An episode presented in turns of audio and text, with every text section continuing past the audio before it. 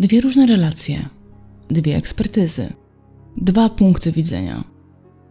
Kiedy główna ofiara nie może się już bronić, a dowody jednoznacznie nie wskazują na sprawcę, musimy wybrać, komu uwierzyć. Jakie były prawdziwe tła tragedii? Czy był to tylko nieszczęśliwy wypadek? Zaplanowana zbrodnia?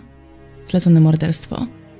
A może zemsta Denata, który przed śmiercią uknął skomplikowaną intrygę? Wszystkie teorie i dowody, jakie pojawiły się w sprawie, postaram się Wam zaprezentować w najnowszym odcinku Zbrodni Zapomnianych.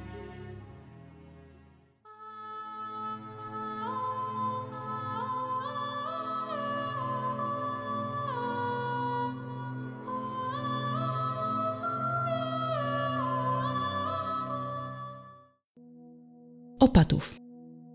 Miasto w województwie świętokrzyskim. W roku 1932 właśnie w tym mieście mieszkała rodzina Snopkiewiczów.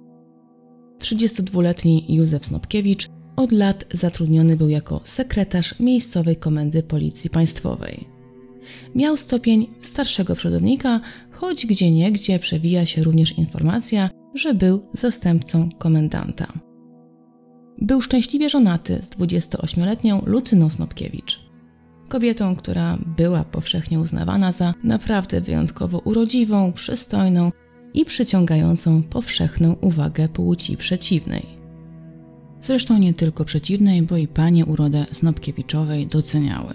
I ja wiem, że kanony piękna bardzo się zmieniły na przestrzeni tych lat, aczkolwiek patrząc na fotografię pani Snopkiewicz, to wydaje mi się, tak oczywiście patrząc subiektywnie, że dziś jej uroda również zostałaby doceniona.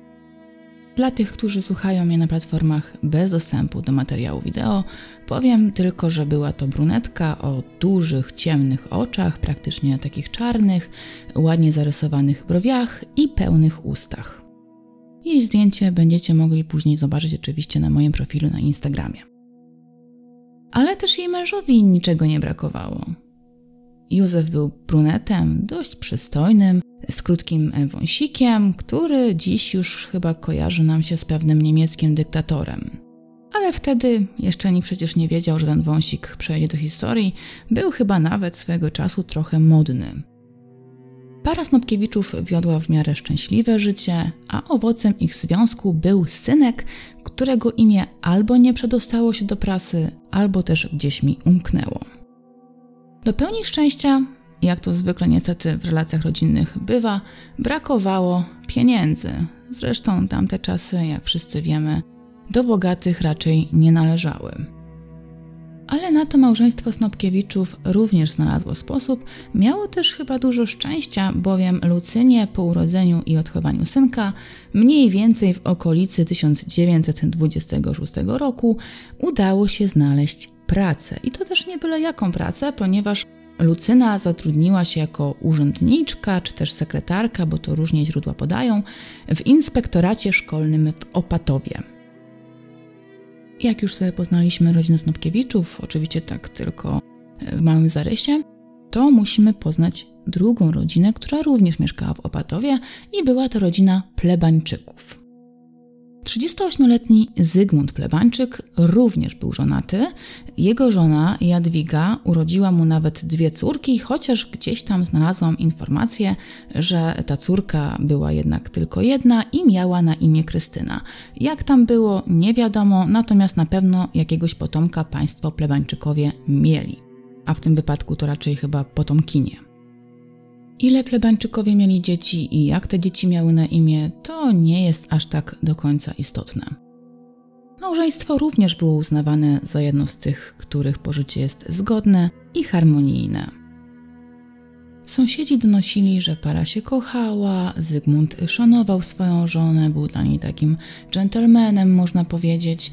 No, no tak ogólnikowo możemy stwierdzić, że para raczej była szczęśliwa. Prawie szczęśliwa, ponieważ tutaj też były pewne problemy, natomiast nie natury finansowej. Tutaj żona plebańczyka Jadwiga miała cierpieć na bliżej nieokreślone problemy zdrowotne, dlatego też, ponieważ to jej zdrowie było takie liche i słabe, to Jadwiga często wyjeżdżała do Krynicy Górskiej. Tam kobieta miała wypocząć i podreperować swoje zdrowie, ale czy te zdrowie reperowała, czy nie, to ciężko stwierdzić, bowiem wyjeżdżała ze swoimi córkami. Kto ma dzieci, ten wie o czym mówię.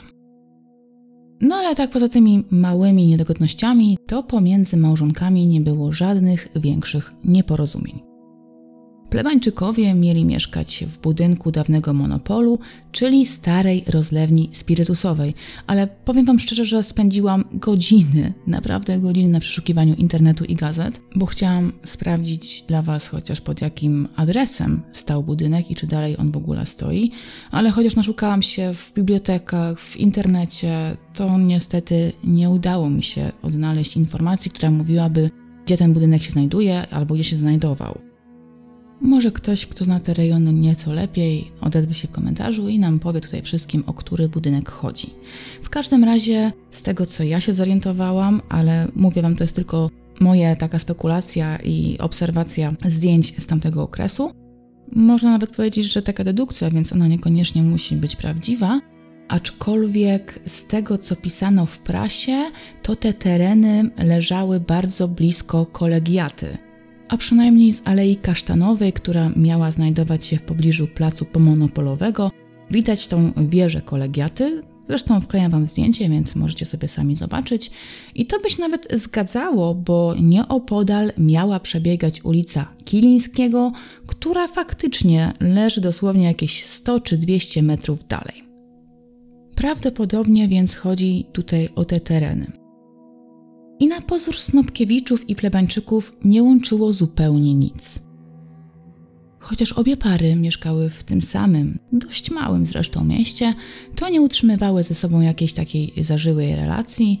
Od mówili sobie dzień dobry na ulicy, może nawet zamieniali kilka grzecznościowych zdań, no bo tak wypadało, i to by było na tyle. A, no i praca. Przepraszam, zapomniałam Wam wspomnieć.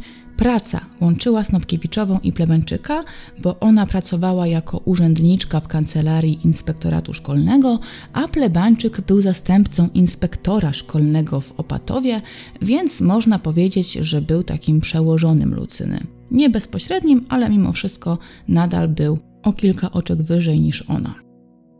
Ale to by było na tyle, jeżeli chodzi o jakiekolwiek relacje pomiędzy tymi rodzinami. Cóż, przynajmniej na pierwszy rzut oka. Skoro już znamy Snopkiewiczów i Plebańczyków, wiemy czym był plac monopolowy, a raczej pomonopolowy i gdzie mniej więcej się znajdował, to teraz mogę spokojnie przedstawić Wam kolejnego mieszkańcę Opatowa, elektromontera Waniela. Innej wersji Waniel był po prostu sąsiadem plebańczyków, ale ponieważ ta druga wersja jest bardziej szczegółowo rozpisana, to też na niej się tutaj skupię. Waniel miał spotkać się z pewną kobietą, która była już z kimś umówiona. Tak trochę enigmatycznie Wam to opowiadam, ale nie chcę Wam za bardzo mieszać tutaj w głowie. Para zdecydowała, że Waniel po prostu poczeka, aż jej spotkanie dobiegnie końca i też wtedy bez żadnych przeszkód będą mogli zająć się swoimi sprawami. Tą kobietą miała być niejaka Sadowska, ale kto to był i jakie dokładnie były relacje tej pary, czy ona się spotykała z Wanielem, czy to była jakaś relacja nie towarzyska, tylko służbowa, to niestety nie wiadomo i chyba nie jest to jakoś zupełnie tutaj istotne. Ważne jest to, że to spotkanie, na które poszła Sadowska, odbywało się właśnie w budynku pomonopolowym, a Waniel przez kilka godzin czekał na kobietę na dziedzińcu. Aby się nie rzucać w oczy, stanął gdzieś w cieniu. Wersje tego, gdzie stał Waniel, są przeróżne. Jedne mówią, że było to gdzieś w korytarzu budynku, inne, że właśnie na dziedzińcu, ale gdzieś tak na uboczu, gdzieś pod murem. Wbrew pozorom, to gdzie stał Waniel jest tutaj naprawdę bardzo, bardzo ważne, więc nie myślcie sobie, że tak gadam po prostu, żeby gadać. Ale tak to już niestety jest z przekładami prasowymi, że no nie zawsze możemy dojść i dokopać się do prawdy. Dlatego przedstawię Wam tutaj wszystkie możliwe alternatywy. Być może część z Was skojarzyła już tutaj fakty, kiedy wspominałam o tym dziedzińcu przy budynku pomonopolowym. Było to miejsce, w którym mieszkała rodzina plebańczyków. I faktycznie, 13 lipca niemal niewidoczny dla postronnych przechodniów Waniel o godzinie 22 zauważył, jak plebańczyk w towarzystwie jakiegoś mężczyzny przechadza się aleją kasztanową. Towarzyszem plebańczyka był wspomniany na wstępie Józef Snopkiewicz. Skąd to nagłe spotkanie, skoro panowie raczej się nie przyjaźnili, to nie wiadomo, ale według niektórych dzienników to w ostatnich tygodniach relacje tych obu panów się jakoś tak bardziej mm, zacieśniły, zaczęli się spotykać. Część źródeł nawet mówiła, że się przyjaźnili. Inne źródła mówiły, że było zupełnie inaczej, że te relacje nadal były takie chłodne, a sam plebańczyk po prostu zaproponował Snopkiewiczowi spotkanie tak z głupa Franc. No ale, że panowie mieszkali w jednym, zresztą dość małym mieście, tak jak wam wspomniałam, gdzie wszyscy się znają, to też nie było to nic takiego niezwykłego, a jakby nie patrzeć, no to plebańczyk był przełożonym żony Snopkiewicza, więc nie wypadało odmówić. I tutaj według jednych doniesień w pewnej chwili mężczyźni mieli zbliżyć się na tyle blisko Waniela, że ten był w stanie usłyszeć o czym oni sobie dywagują. Ze strzępków rozmowy udało się zrozumieć, że Snopkiewicz żalił się tutaj plebańczykowi na bóle brzucha, względnie według innych źródeł na ból głowy. Plebańczyk miał wtedy wyrazić współczucie i wspomnieć, że on też na takie bóle cierpi, ale ma na to dobre lekarstwo, po którym wszystkie dolegliwości bólowe przechodzą. I nie, nie chodzi tu o wódkę, tylko naprawdę miał jakieś lekarstwo medyczne. Od słowa do słowa plebańczyk zaprosił Snopkiewicza do swojego mieszkania. Oczywiście oprócz tych medykamentów to panowie mieli się również wyleczyć gorzałką, ale na odchodne plebańczyk obiecał dać Snopkiewiczowi wspomniany przeciwbólowy proszek w opłatku. Panowie zniknęli w mieszkaniu plebańczyka. Mieszkanie było puste, bo Jadwiga, żona mężczyzny, po raz kolejny wraz z dziećmi przybywała w Krynicy, Dlatego też w mieszkaniu były dobre warunki, żeby rozsiąść się z kolegą, wypić troszeczkę wódki, porozmawiać i wrócić do swojego życia. Snopkiewicz i Plebańczyk nie zabawili długo i już po pewnym czasie Waniel zauważył, jak obaj panowie wychodzą z mieszkania. Która to dokładnie była godzina, to nie wiadomo, tutaj wersje też są różne. Mniej więcej miało to być między 23 a północą. Bliżej chyba jednak północy. Plebańczyk miał wtedy wręczyć Snopkiewiczowi wspomniane lekarstwo, po czym panowie ruszyli w kierunku ulicy Kilińskiego, gdzie miało się znajdować mieszkanie Snopkiewiczów. Mniej więcej w połowie drogi plebańczyk szybko pożegnał się ze swoim kompanem i wrócił do domu, co zostało odnotowane przez nadal czekającego na Sadowską Waniela. Zauważył on bowiem, jak plebańczyk szybkim tempem wraca do mieszkania. I tutaj zaczyna się akcja właściwa. W nocnej ciszy rozległ się głośny krzyk. Jakiś mężczyzna przeraźliwie wołał o pomoc. Jego wrzask był ogromny, tak ogromny, że postawił na nogi całą okolicę. Jako pierwszy przy mężczyźnie pojawił się Rachowicz, fotograf mieszkający w sąsiedztwie. Rachowicz zauważył mężczyznę leżącego na ulicznym bruku, uporczywie trzymającego się za brzuch. Ukucnął przewijającym się z bólu człowieku i od razu usłyszał z jego ust słowa, które wręcz go zmroziły. Plebańczyk mnie otruł. Po chwili obok Rachowicza pojawił się Woźnicki, ławnik magistratu. Usłyszawszy tak okropne krzyki, był przekonany, że na ulicy prawdopodobnie dochodzi do jakiegoś napadu rabunkowego. Dlatego też zanim wybiegł, to chwycił za rewolwer. Przekonawszy się, że to nie banda rabusiów jest winna całemu zamieszaniu, zbliżył się do jęczącego z bólu mężczyzny, w którym rozpoznał Józefa Snopkiewicza. On również usłyszał, że Józef padł ofiarą plebańczyka, który podstępem wręczył mu środek przeciwbólowy, który w rzeczywistości okazał się być silną trucizną. Woźnicki wyjął rewolwer i oddał w powietrze trzy strzały ostrzegawcze, które miały zaalarmować policjantów pobliskiego komisariatu. Tak się zresztą stało i wkrótce na miejscu pojawiła się ekipa policyjna. Tych, którzy mieli oczywiście dyżur nocny, dużo ich tam nie było, ale kiedy zobaczyli, że na bruku, na chodniku leży ich kolega z pracy i to w tak ciężkim stanie, to natychmiast chwycili mężczyznę pod ręce i nawet nie czekając na pomoc medyczną, własnoręcznie przenieśli go do szpitala. I tutaj wersje też są dwie. W każdej z nich niestety Józef umiera. Według jednych źródeł, dosłownie w bramie szpitala, tuż przed uzyskaniem pomocy medycznej, według drugich już w szpitalu, ale również zanim został obejrzany przez lekarza. Wszystkie źródła są jednak zgodne, że cały czas powtarzał, że został otruty. Co w tym czasie robił Waniel? Waniel nadal czekał na Sadowską, ale to akurat dobrze, bo według niektórych dzienników zaobserwował, jak plebańczyk chwilę po powrocie do mieszkania wylewa jakieś płyny. I tutaj zależnie od wersji.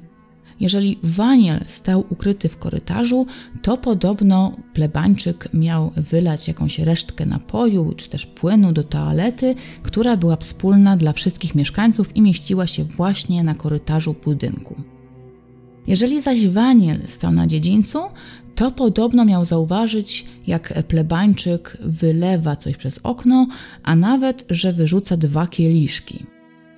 Ale to raczej wersja niepotwierdzona, bowiem te brudne kieliszki też miały niby zostać później odnalezione w mieszkaniu plebańczyków, więc to powiem wam szczerze, nie wiadomo jak tam do końca było, w każdym razie na pewno coś tam wylewał.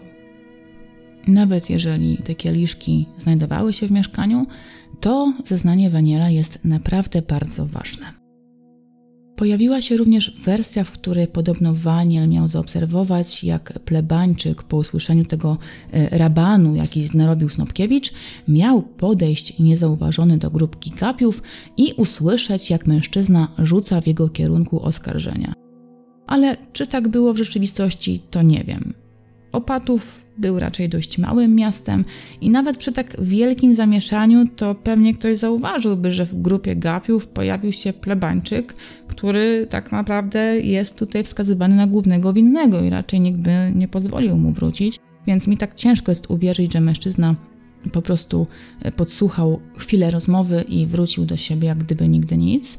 No chyba, że mężczyzna faktycznie był tutaj jakimś niespełnionym ninja i tak się wtopił w tłum, że pozostał przez nikogo niezauważony. Ale to była wersja, która pojawiła się w tajnym detektywie, więc ja bym tak patrzyła na nią trochę przez palce. W tej historii jest jednak coś, czego tutaj do końca nie rozumiem. Snopkiewicz już kiedy został odnaleziony przez Rachowicza i Woźnickiego, czyli około północy w nocy z 13 na 14 lipca, od razu krzyczał, że został otruty przez inspektora plebańczyka. Dla mnie logiczne jest to, że jeżeli ktoś rzuca oskarżenia w kierunku jakiegoś człowieka, który zresztą mieszka w pobliżu, to wypadałoby tam wysłać kogoś do tego mieszkania. A tutaj wszyscy funkcjonariusze skupili się raczej na tym, żeby przetransportować swojego kolegę do szpitala, co oczywiście się bardzo chwali, aczkolwiek chociaż jedna osoba mogła pójść i zapukać do drzwi plebańczyka a u plebańczyka pojawiono się dopiero o czwartej nad ranem, więc dla mnie to jest taka mała zagadka, dlaczego tak długo czekano. Być może chciano się tutaj upewnić, że faktycznie doszło do zbrodni, a Snopkiewicz nie rzuca tylko jakichś takich dziwnych oszczerstw w przypływie spożycia nadmiernej ilości gorzałki. Kiedy śledczy zapukali do mieszkania Zygmunta Plebańczyka, odpowiedziała im cisza ponieważ istniało podejrzenie, że lokator mieszkania mógł dopuścić się zbrodni otrucia, policja postanowiła wejść do środka pomimo braku odezwy. W mieszkaniu na stole leżała niedokończona butelka wódki oraz jeden kieliszek. Na otomanie leżał nieprzytomny Zygmunt Plebańczyk. Policja, nie mogąc nawiązać kontaktu z mężczyzną, powzięła przypuszczenie, że on również mógł paść ofiarą zatrucia. Na miejsce wezwano służby medyczne, a plebańczyk trafił jako pacjent tego samego szpitala, w którym przed kilkoma godzinami zakończył swoje życie Snopkiewicz. Plebańczyk walczył o życie w szpitalu. Według doniesień jego stan był tak ciężki, że lekarze nie dawali żadnej gwarancji, że mężczyznę da się odratować. Ale to nie znaczy, że nie próbowano. Pierwszą czynnością, jaką wykonywano w przypadku podejrzenia zatrucia, było płukanie żołądka. Takiemu zabiegowi został też poddany Zbigniew Plebańczyk.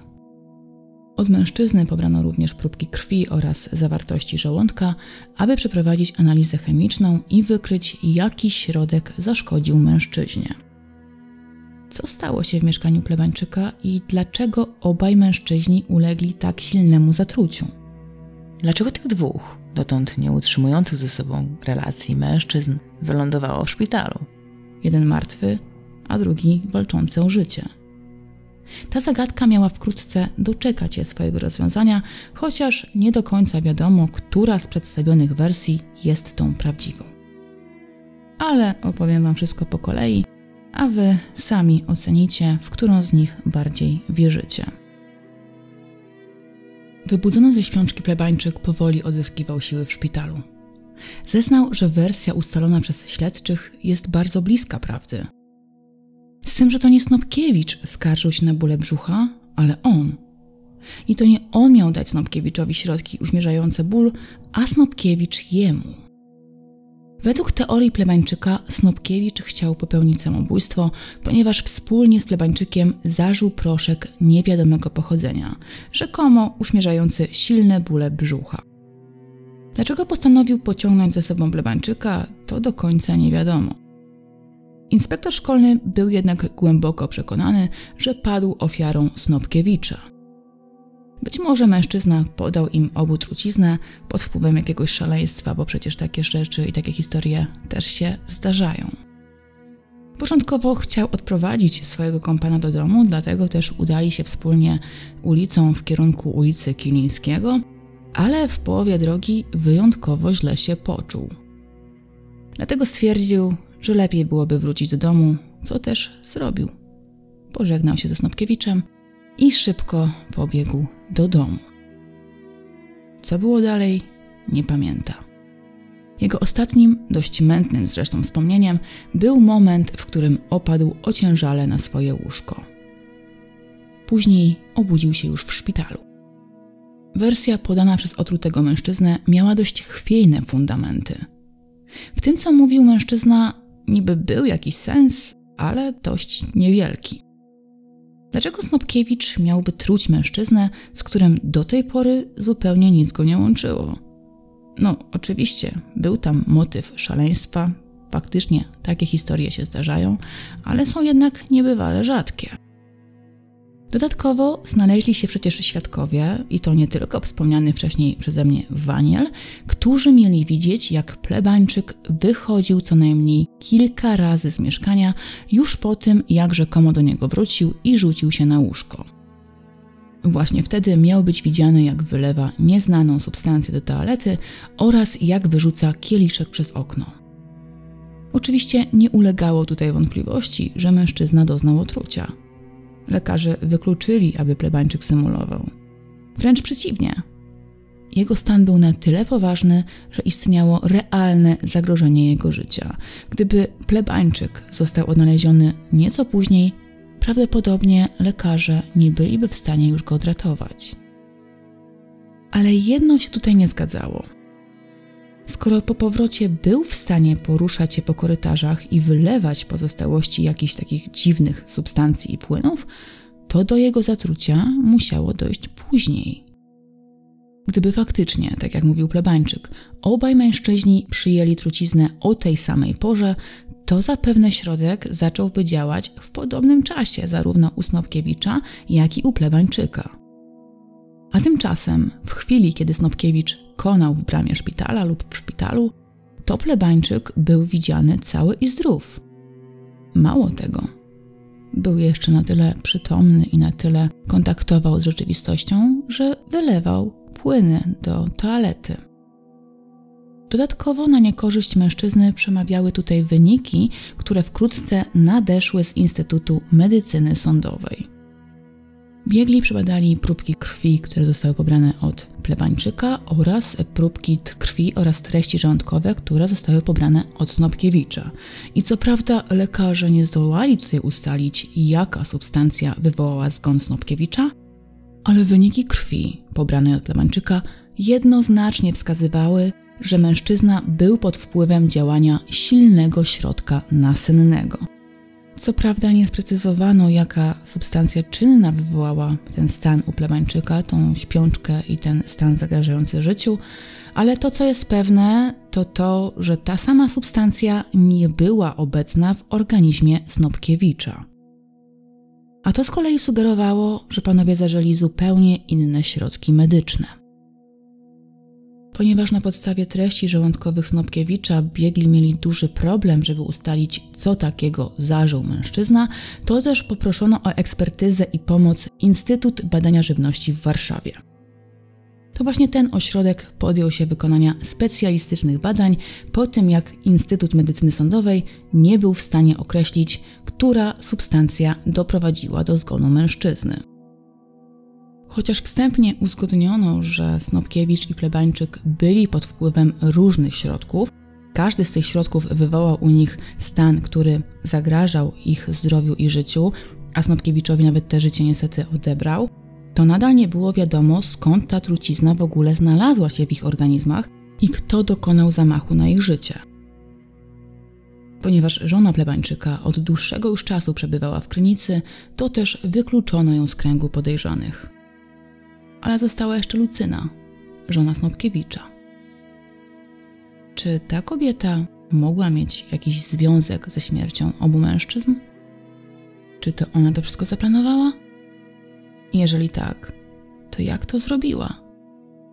Skąd mogła wiedzieć, że jej mąż poczęstuje plebańczyka, poczęstuje w cudzysłowie oczywiście, środkiem przeciwbólowym? A może to wódka była zatruta? Lucyna, zdruzgotana informacją o śmierci męża, zdecydowała się wyjawić prawdę śledczym.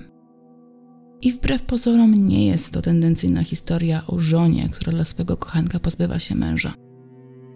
Ta historia ma swoje dużo bardziej mroczne zakamarki niż moglibyśmy podejrzewać, a przynajmniej mniej tendencyjne. Lucyna, tak jak już wspominałam, była kobietą o wyjątkowej urodzie. Kiedy rozpoczęła pracę w inspektoracie szkolnym, od razu wpadła w oko plebańczykowi. Mężczyzna czynił do niej awanse, które kobieta bagatelizowała i odbierała je jako niezbyt trafne żarty. No bo przecież zarówno ona była szczęśliwą mężatką, jak i plebańczyk był od lat żonaty. I nic nie wskazywało na to, aby w tym małżeństwie ktokolwiek był nieszczęśliwy. Ale plebańczyk nie żartował. Im bardziej Snopkiewiczowa starała się względem niego zdystansować, tym bardziej natarczywy był plebańczyk. Kiedy kobieta nadal opierała się mężczyźnie, ten, prawdopodobnie wiedziony jakimś uczuciem odrzucenia czy urazy, zaczął grozić kobiecie zwolnieniem z pracy. Lucyna nie mogła sobie pozwolić na utratę posady. Doskonale zdawała sobie sprawę z tego, że pensja jej męża nie wystarczy im na godne życie. Czasy stawały się coraz bardziej niepewne. Bojąc się, że utraci źródło dochodu, uległa plebańczykowi. I chcę, żebyście mnie dobrze zrozumieli. To jest wersja podana przez Lucynę. Żeby Wam dobrze opowiedzieć, jak to wszystko wyglądało jej oczami, powiem Wam wszystko ze szczegółami, tak jakby z jej perspektywy. To nie jest to, że ja biorę teraz jej stronę, co mi czasami zarzucacie w materiałach. Po prostu chcę Wam pokazać dwie strony medalu. To był moment, który był krytyczny dla Lucyny. Od tej pory mężczyzna stale zmuszał ją do uległości czyli mówiąc krótko, po prostu do stosunków seksualnych. Dziś pewnie powiedzielibyśmy, że mężczyzna ją molestował, a nawet więcej niż molestował. Taki stan rzeczy trwał przez lata. Snopkiewiczowa milczała i o niczym męża nie informowała. Kochała go i nie chciała, aby Józef dowiedział się, że jego żona oddaje się innemu mężczyźnie – co prawda jej pobudki były tutaj szlachetne, aczkolwiek prawdopodobnie bała się, że męża albo straci, albo też jej mąż będzie czuł się skrzywdzony. Co prawda, był taki moment, kiedy Józef zaczął coś podejrzewać, bo wiadomo, że czasami plebańczyka spotykał na mieście, no i kiedyś z lubieżnym wzrokiem szef jego żony miał mu powiedzieć, że zazdrości mu takiej pięknej żony. No, Tekst co najmniej dziwny, oczywiście wychwalający urodę małżonki, ale jednak taki chyba trochę nie na miejscu. Józef zapytał Lucynę, czy plebańczyk robi jej jakieś problemy, czy się do niej przystawia, ale kobieta miała zbagatelizować pytanie męża i powiedziała szybko, że to nie jest nikt warty uwagi, żeby się za bardzo nim nie przejmował, że to tylko takie niegroźne żarty, a poza tym plebańczyk i tak niedługo zostanie przeniesiony do innego instytutu. I tutaj miała rację, ale o tym za chwilę. Taki stan rzeczy trwał przez lata. Cała sytuacja zaczęła się w roku 1927, a tutaj był już rok 1932. Było to 5 lat.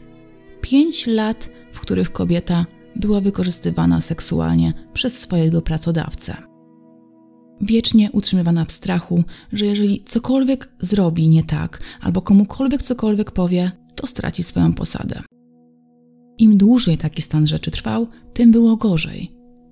Tym, którzy nie pamiętają, przypominam, że w roku 1932 powoli zaczął się wielki kryzys, który naprawdę spowodował ogromne bezrobocie w całym kraju, nie tylko zresztą w kraju, ale i na całym świecie. Duża część osób klepała biedę, tak w cudzysłowie mówiąc, i ubóstwo było czymś naprawdę bardzo często spotykanym. Bardzo trudno było znaleźć pracę, a jak ktoś już jakąkolwiek miał, to trzymał się jej na wszelkie sposoby. Każde wyjście z tej sytuacji wydawało się więc Lucynie złe. Jedyną rozsądną opcją w jej oczach było po prostu przeczekanie. I w końcu ta strategia miała przynieść skutki. W roku 1932 okazało się, że jej udręka w końcu może się skończyć. Plebańczyk decyzją władz przełożonych otrzymał informację, że w połowie lipca ma zostać przeniesiony do Konina, by w tamtejszym inspektoracie albo objąć urząd zastępcy, albo urząd y, inspektora głównego. Tego tutaj niestety nie pamiętam. Sprawdzę to, bo miałam to gdzieś zanotowane i napiszę Wam w komentarzu. Ale był to idealny moment dla Lucyny. W końcu pojawiła się dla niej taka iskierka nadziei, że ten cały koszmar wreszcie się skończy plebańczyk wreszcie wyjedzie, a ona w końcu będzie mogła spokojnie chodzić do pracy i nie bać się, że ją utraci, gdy odtrąci zaloty swojego szefa. I faktycznie to była opcja, która umożliwiłaby Lucynie normalne życie. Umożliwiłaby. Ale Zbigniew zupełnie inaczej to sobie wyobrażał. Nie chciał kończyć swojego związku z kobietą nawet po przeniesieniu. I tak, mówię tutaj związku, ponieważ dla Zbigniewa był to związek. Oficjalnie on i Lucyna żyli w innych związkach małżeńskich, ale to tylko oficjalnie, bo nieoficjalnie Lucyna była jego kobietą. Zamiast więc przeprowadzić się z żoną do Konina, to Zbigniew wymyślił coś zupełnie innego. Ponieważ sytuacja była taka, jaka była, a dla Zbigniewa nie była zbyt sprzyjająca, bo oznaczała rozłąkę z Lucyną, to też Zbigniew chciał przenieść ich relacje na wyższy poziom. Mianowicie plebańczyk wymyślił sobie, że oboje zakończą swoje dotychczasowe związki i wspólnie wyjadą do Konina. Oczywiście z uwagi na pozycję plebańczyka, no nie będą mogli żyć w takim skandalu, więc będą musieli złożyć oficjalne wnioski o rozwód, a kiedy uzyskają już decyzję informującą o rozwiązaniu ich małżeństw, to bez żadnego problemu zalegalizują swój związek i zamieszkają razem. Plan plebańczyka nie przewidywał tutaj odmowy. Ale Lucyna miała już dość. Stanowczo odparła, że nie porzuci swojego męża i syna Obu bardzo kocha i nie wyobraża sobie bez nich życia. Zbigniew, można powiedzieć, że tę odmowę przyjął bardzo ciężko. I to prawdopodobnie wtedy uroił sobie w głowie, że kiedy pozbędzie się rywala, Lucyna nie będzie miała już nic do stracenia. Spakuje walizki i wyjedzie wraz z nim do Konina, no bo przecież kobieta potrzebuje męskiego ramienia. Dlatego też 13 lipca w dniu poprzedzającym jego przeniesienie do Wielkopolski zaprosił Józefa na spacer i wódkę. Snopkiewicz zupełnie nie zdając sobie sprawy z relacji, które wiązały jego żonę z plebańczykiem, nie wyczuł tutaj żadnego podstępu i przyjął zaproszenie. Zaproszenie, które okazało się być dla niego śmiertelne. Wersja przedstawiona przez Lucynę była dużo bardziej wiarygodna, a przynajmniej według wersji policji, no i dawała tutaj też jakiś motyw, który mógł popchnąć plebańczyka do zbrodni, a to już trochę więcej niż szaleństwo i czysty przypadek. W każdym razie zeznanie kobiety dawało podstawy do tego, aby wydać nakaz aresztowania mężczyzny. Zbigniew Plebańczyk został poinformowany o ciążących na nim oskarżeniach leżąc jeszcze w szpitalnym łóżku. I tutaj niestety jeszcze raz muszę Wam powiedzieć, że czegoś nie wiadomo. A czego nie wiadomo? Ano nie wiadomo tego, jak tłumaczył się mężczyzna. Jedne źródła mówią, że przyznał się do romansu, ale nie do zbrodni. Inne, że całkowicie zaprzeczył tym doniesieniom. Była też wersja, która mówiła o tym, że plebańczyk co prawda potwierdził romans, ale ta relacja miała być kontynuowana za obopólną zgodą i on do niczego Lucyny nie przymuszał. Prawdopodobnie to właśnie dało motyw Józefowi Snopkiewiczowi.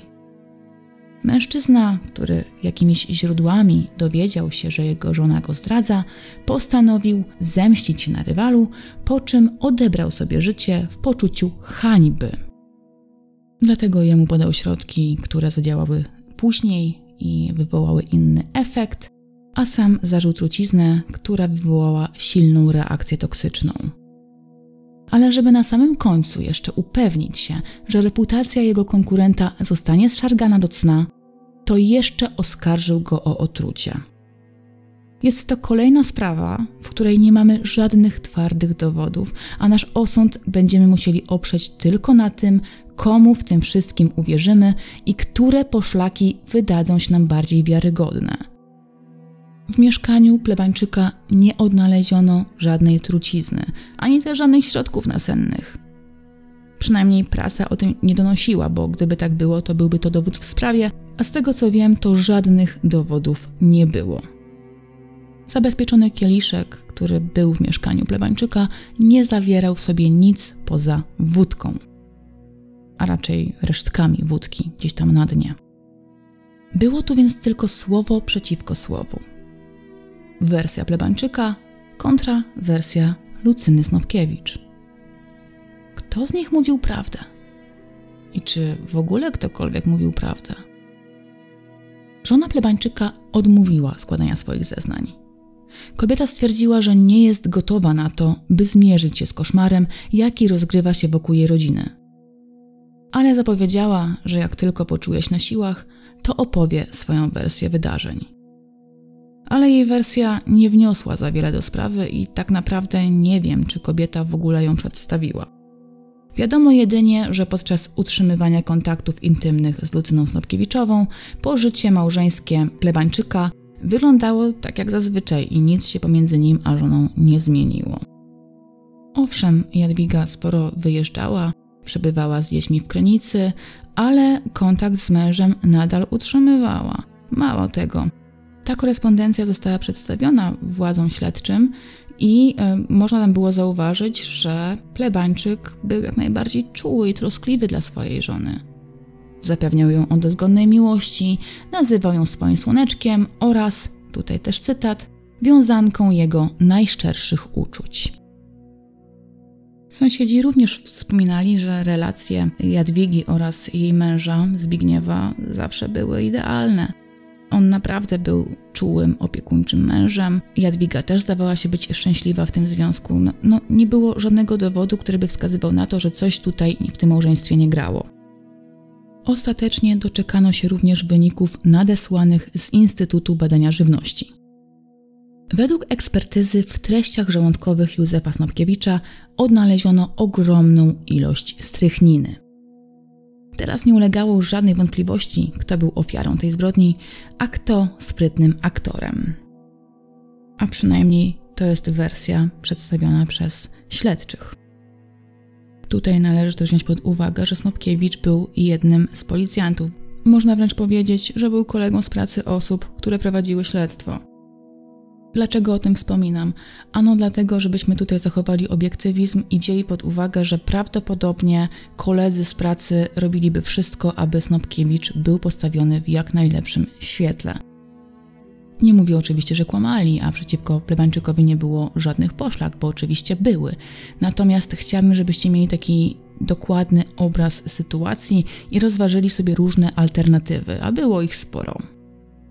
Ale według policji to Snopkiewicz otrzymał wysoce toksyczny środek trujący. Plebańczyk był jedynie pod wpływem środków nasennych, które zapewne zażył tylko po to, aby uwiarygodnić swoją wersję wydarzeń. Taka była opinia prokuratury, która pomimo braku niezaprzeczalnych dowodów postanowiła wnieść akt oskarżenia przeciwko Zbigniewowi Plebańczykowi.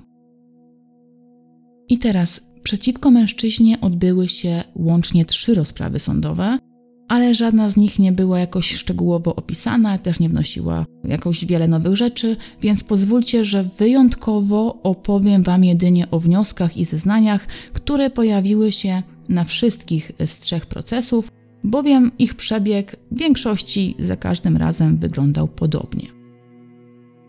Chociaż jeszcze przed rozprawą sądową, podczas tego pierwszego przesłuchania, plebańczyk przyznał się do romansu z Lucyną Snopkiewicz, to składając wyjaśnienia jako oskarżony w sprawie morderstwa jej męża, nagle cofnął swoje zeznania. Teraz już twierdził, że z Lucyną nic go nie łączyło, to były tylko relacje zawodowe. Nie wiadomo czemu miał służyć ten zabieg, ale prasa spekulowała, że najpewniej po prostu mężczyzna chciał odsunąć od siebie ten główny motyw i ukazać absurdalność aktu oskarżenia.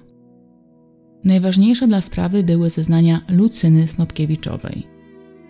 Ze względu na delikatny charakter sprawy, Snopkiewiczowa składała swoje zeznania przy drzwiach zamkniętych.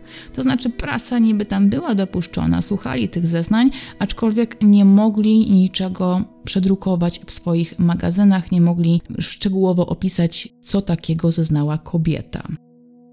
Albo też po prostu mieli swoje źródła i jakimiś kanałami dowiedzieli się, co Snopkiewiczowa zeznawała albo po prostu podsłuchiwali pod drzwiami. No bo nie oszukujmy się, takie rzeczy też się zdarzały i to zresztą dość często, bo sama czytałam w tych artykułach międzywojennych, jak dziennikarze ubolewali czasami, że nie mogli usłyszeć, co zeznają świadkowie, kiedy jawność procesu była wyłączona. Jak było tutaj, nie wiadomo, ale nieoficjalnie, tak między wierszami, dziennikarze dawali lekkie sygnały, że przesłuchanie Snopkiewiczowej było kluczowe dla sprawy i podobno udowodniło, że kobieta nie kłamała. Jak to udowodniono, nie wiadomo, nie jestem w stanie Wam tego powiedzieć. Ta jawność była niestety wyłączona, ale przyjęto wersję, że Zbigniew Plebańczyk przez lata szantażował Lucynę, groził jej zwolnieniem i zmuszał do utrzymywania z nim kontaktów intymnych. To oczywiście jeszcze nie świadczyło o tym, że Plebańczyk był mordercą, ale było to niepodważalnym argumentem przemawiającym na jego niekorzyść. Materiał dowodowy na pewno został przedstawiony, ale też nie wiadomo, co to był za materiał. Ten materiał dowodowy jest jednak bardzo niejasny. Natomiast więcej wiadomo o poczynaniach obrony, więc o tym właśnie opowiem Wam nieco szerzej. Po pierwsze, obrona, rzecz jasna, próbowała wykazać, że do otrucia jak najbardziej doszło. Ten fakt jest przecież tutaj niepodważalny. Ale to nie oskarżony był trucicielem. Forsowano więc teorię przedstawioną przez Plebańczyka w trakcie śledztwa, że Snopkiewicz planował samobójstwo, a że nie miał już nic do stracenia, to przed śmiercią chciał się jeszcze policzyć z rzekomym kochankiem swojej żony. Rzekomym, bowiem, jak przypominam, Plebańczyk przecież wyparł się jakichkolwiek relacji z Lucyną Snopkiewicz, przekonując, że jej mąż coś sobie po prostu uroił. Po drugie, podnoszono, że stan Plebańczyka był równie groźny co stan Snopkiewicza. Został on otruty inną substancją i to też jest prawda, ale lekarze walczyli o jego życie i nie było pewności, czy Plebańczyka uda się uratować. Czy gdyby mężczyzna chciał jedynie odegrać rolę poszkodowanego, to przyjmowałby tak dużą dawkę środka nasennego? Czy niesensowniej byłoby po prostu zażyć dawkę, która wprowadziłaby go w stan uśpienia, ale jednocześnie nie zagrażałaby jego życiu? Był to dowód, który miał potwierdzać, że plebańczyk również padł ofiarą zatrucia. Po trzecie, obrona odczytała raport profesora Olbrychta, który na prośbę obrony przedstawił swoją prywatną opinię lekarską. Według profesora Olbrychta nie było żadnej obiektywnej pewności, że substancją, która wywołała zgon Snopkiewicza, była właśnie strychnina. Ekspertyza wydana przez Warszawski Instytut Badania Żywności, jak się okazało, nie została opracowana na podstawie treści żołądkowej, a na podstawie raportu z sekcji zwłok. Jak podnosiła obrona, według raportu wydanego przez profesora Olbrychta, taka ekspertyza nie mogła być uznana za wiarygodną. I teraz będzie trochę wiedzy naukowej, czysto medycznej, na której kompletnie się nie znam, więc zawierzę w tej kwestii międzywojennym dziennikom. Jeżeli coś tutaj się nie zgadza, to oczywiście skorygujcie mnie w komentarzach. Według opinii profesora Olbrychta, ekspertyza wydana przez Instytut Badania Żywności była nie tylko niezgodna z wymaganiami naukowymi, ale również zawierała błędy. Ludzkie szczątki wydzielają ptomainy, czyli znany powszechnie jad trupi. Według ekspertyzy przedstawionej przez obronę, Instytut Badania Żywności mógł błędnie założyć, że reakcja, jaka zaszła w organizmie Snopkiewicza, wystąpiła na skutek zażycia strychniny. W rzeczywistości zaobserwowana reakcja mogła być efektem działania jadu trupiego, bowiem objawy działania tych dwóch związków są bardzo zbliżone. A skoro nie przeprowadzono próby biologicznej i krystalicznej, która bezsprzecznie wykazałaby, jaka substancja wytworzyła reakcję w organizmie Snopkiewicza, to też ekspertyza wydana przez Instytut nie ma żadnej wartości naukowej. Dlatego też obrona złożyła wniosek, aby powołać na salę trzech biegłych lekarzy, którzy przedstawiliby przed sądem swoją opinię. To by było dużo bardziej obiektywne niż opieranie się jedynie na opinii i ekspertyzie Instytutu Badania Żywności. No i wreszcie po czwarte, przedstawiono jako dowód wspomniane przeze mnie wcześniej listy, które plebańczyk wysyłał swojej żonie. Według obrony, jeżeli mężczyzna planował porzucić żonę dla innej kobiety, to dlaczego w dalszym ciągu odnosił się do niej z taką czułością? Dlaczego zapewniał ją o swojej miłości? To miał być dowód na to, że małżeństwo plebańczyków było udane, a Zygmunt nie miał najmniejszych powodów, by szukać szczęścia w ramionach innej kobiety. Ostatecznie sąd odrzucił wszystkie wnioski i argumenty obrony. Przedstawiając pokrótce argumentację sądu, to Snopkiewicz nie mógł być sprawcą otrucia obu mężczyzn, ponieważ w czasie, w którym Snopkiewicz dogorywał na ulicy, plebańczyk był widziany całkiem sprawny, jak biega w okolicy swojego mieszkania. Tym samym nie mógł on zostać otruty w tym samym momencie co Józef Snopkiewicz, bo wtedy reakcja wystąpiłaby u mężczyzn w podobnym czasie, nawet jeżeli te substancje były inne. W opinii sądu plebańczyk sam zażył środki nasenne, aby wyglądać jak kolejna ofiara otrucia, kiedy w jego mieszkaniu zjawi się policja. Bo że się zjawi, to wiedział, bo słyszał, jaki raban narobił Snopkiewicz. Ciężki stan, w jakim plebańczyk miał zostać przewieziony do szpitala, sąd zbył milczeniem, stwierdzając, że jest to argument, do którego nie warto się odnosić. Wniosek o powołanie nowych ekspertów został odrzucony, a rzekomy dowód wielkiej miłości do żony w ogóle został uznany za całkowicie bezzasadny. Jak podkreślił sąd, powszechnie przecież wiadomo, że zazwyczaj mężowie, którzy zdradzają swoje żony, są dla swoich ślubnych wyjątkowo czuli, tak jakby próbowali w ten sposób je uspokoić, że wszystko jest między nimi w porządku i żeby panie nie domyślały się, że panowie zdradzają je na boku. Zbigniew Plebańczyk został skazany na 10 lat pozbawienia wolności z pozbawieniem praw obywatelskich. Wyrok został zatwierdzony zarówno przez sąd apelacyjny, jak i przez sąd najwyższy. Po głośnym procesie sądowym Lucyna Snopkiewicz stała się centrum zainteresowania opinii publicznej. Tajny detektyw wybrał się nawet do Opatowa, aby porozmawiać z kobietą, która była bezpośrednią przyczyną dramatu. Co oczywiście też nie do końca było tutaj jej winą, aczkolwiek na ten temat prawdopodobnie będziecie mieli bardzo różne i skrajne opinie. Zapytana o swój romans z plebańczykiem, odparła: Proszę mnie zrozumieć. Przeżywałam straszliwą tragedię, cięższą od wszystkich innych. Przecież męża kochałam z całej duszy. Więcej na pewno niż tamtego, a on mnie. Tamtego nienawidziłam. Wreszcie przemógł wstręt i byłam zdecydowana. W porę nadszedł dekret przenoszący go na inne miejsce. Lecz, o Boże, Pan wie. Straszne. Boję się prasy, bo wiele nieprawdy napisano o mnie. Mogę przez to stracić posadę. Proszę mnie zrozumieć. Według kobiety czuła ona obrzydzenie do plebańczyka, jednak zbyt bardzo bała się utraty pracy. W końcu jednak jej odraza przelała szale, a kobieta znalazła w sobie siłę, by zakończyć tę relację, chorą relację. Przeniesienie plebańczyka miało jej to ułatwić. Miało, bowiem odrzucony mężczyzna postanowił zniszczyć jej życie. W tej historii nie ma dowodów przemawiających za jedną słuszną wersją. Są dwa punkty widzenia i dwie relacje. Historia Snopkiewiczowej oraz historia plebańczyka. Sąd dał wiarę kobiecie, a plebańczyk został uznany za winnego spowodowania śmierci Józefa Snopkiewicza. Ale wokoło tej sprawy powstało kilka niewiadomych, które, jak to zwykle bywa, przyciągnęły fanów teorii spiskowych. No bo oczywiście i w tamtych czasach, jak coś było nie do końca jasne, to zapewne miało swoje drugie dno. I tak pierwszą teorią spiskową, w którą wierzyli ludzie, był udział Lucyny w otruciu męża. Według niektórych relacji i dzienników Józef przed swoją śmiercią miał wyznać, że nie tylko padł ofiarą plebańczyka, ale i swojej żony.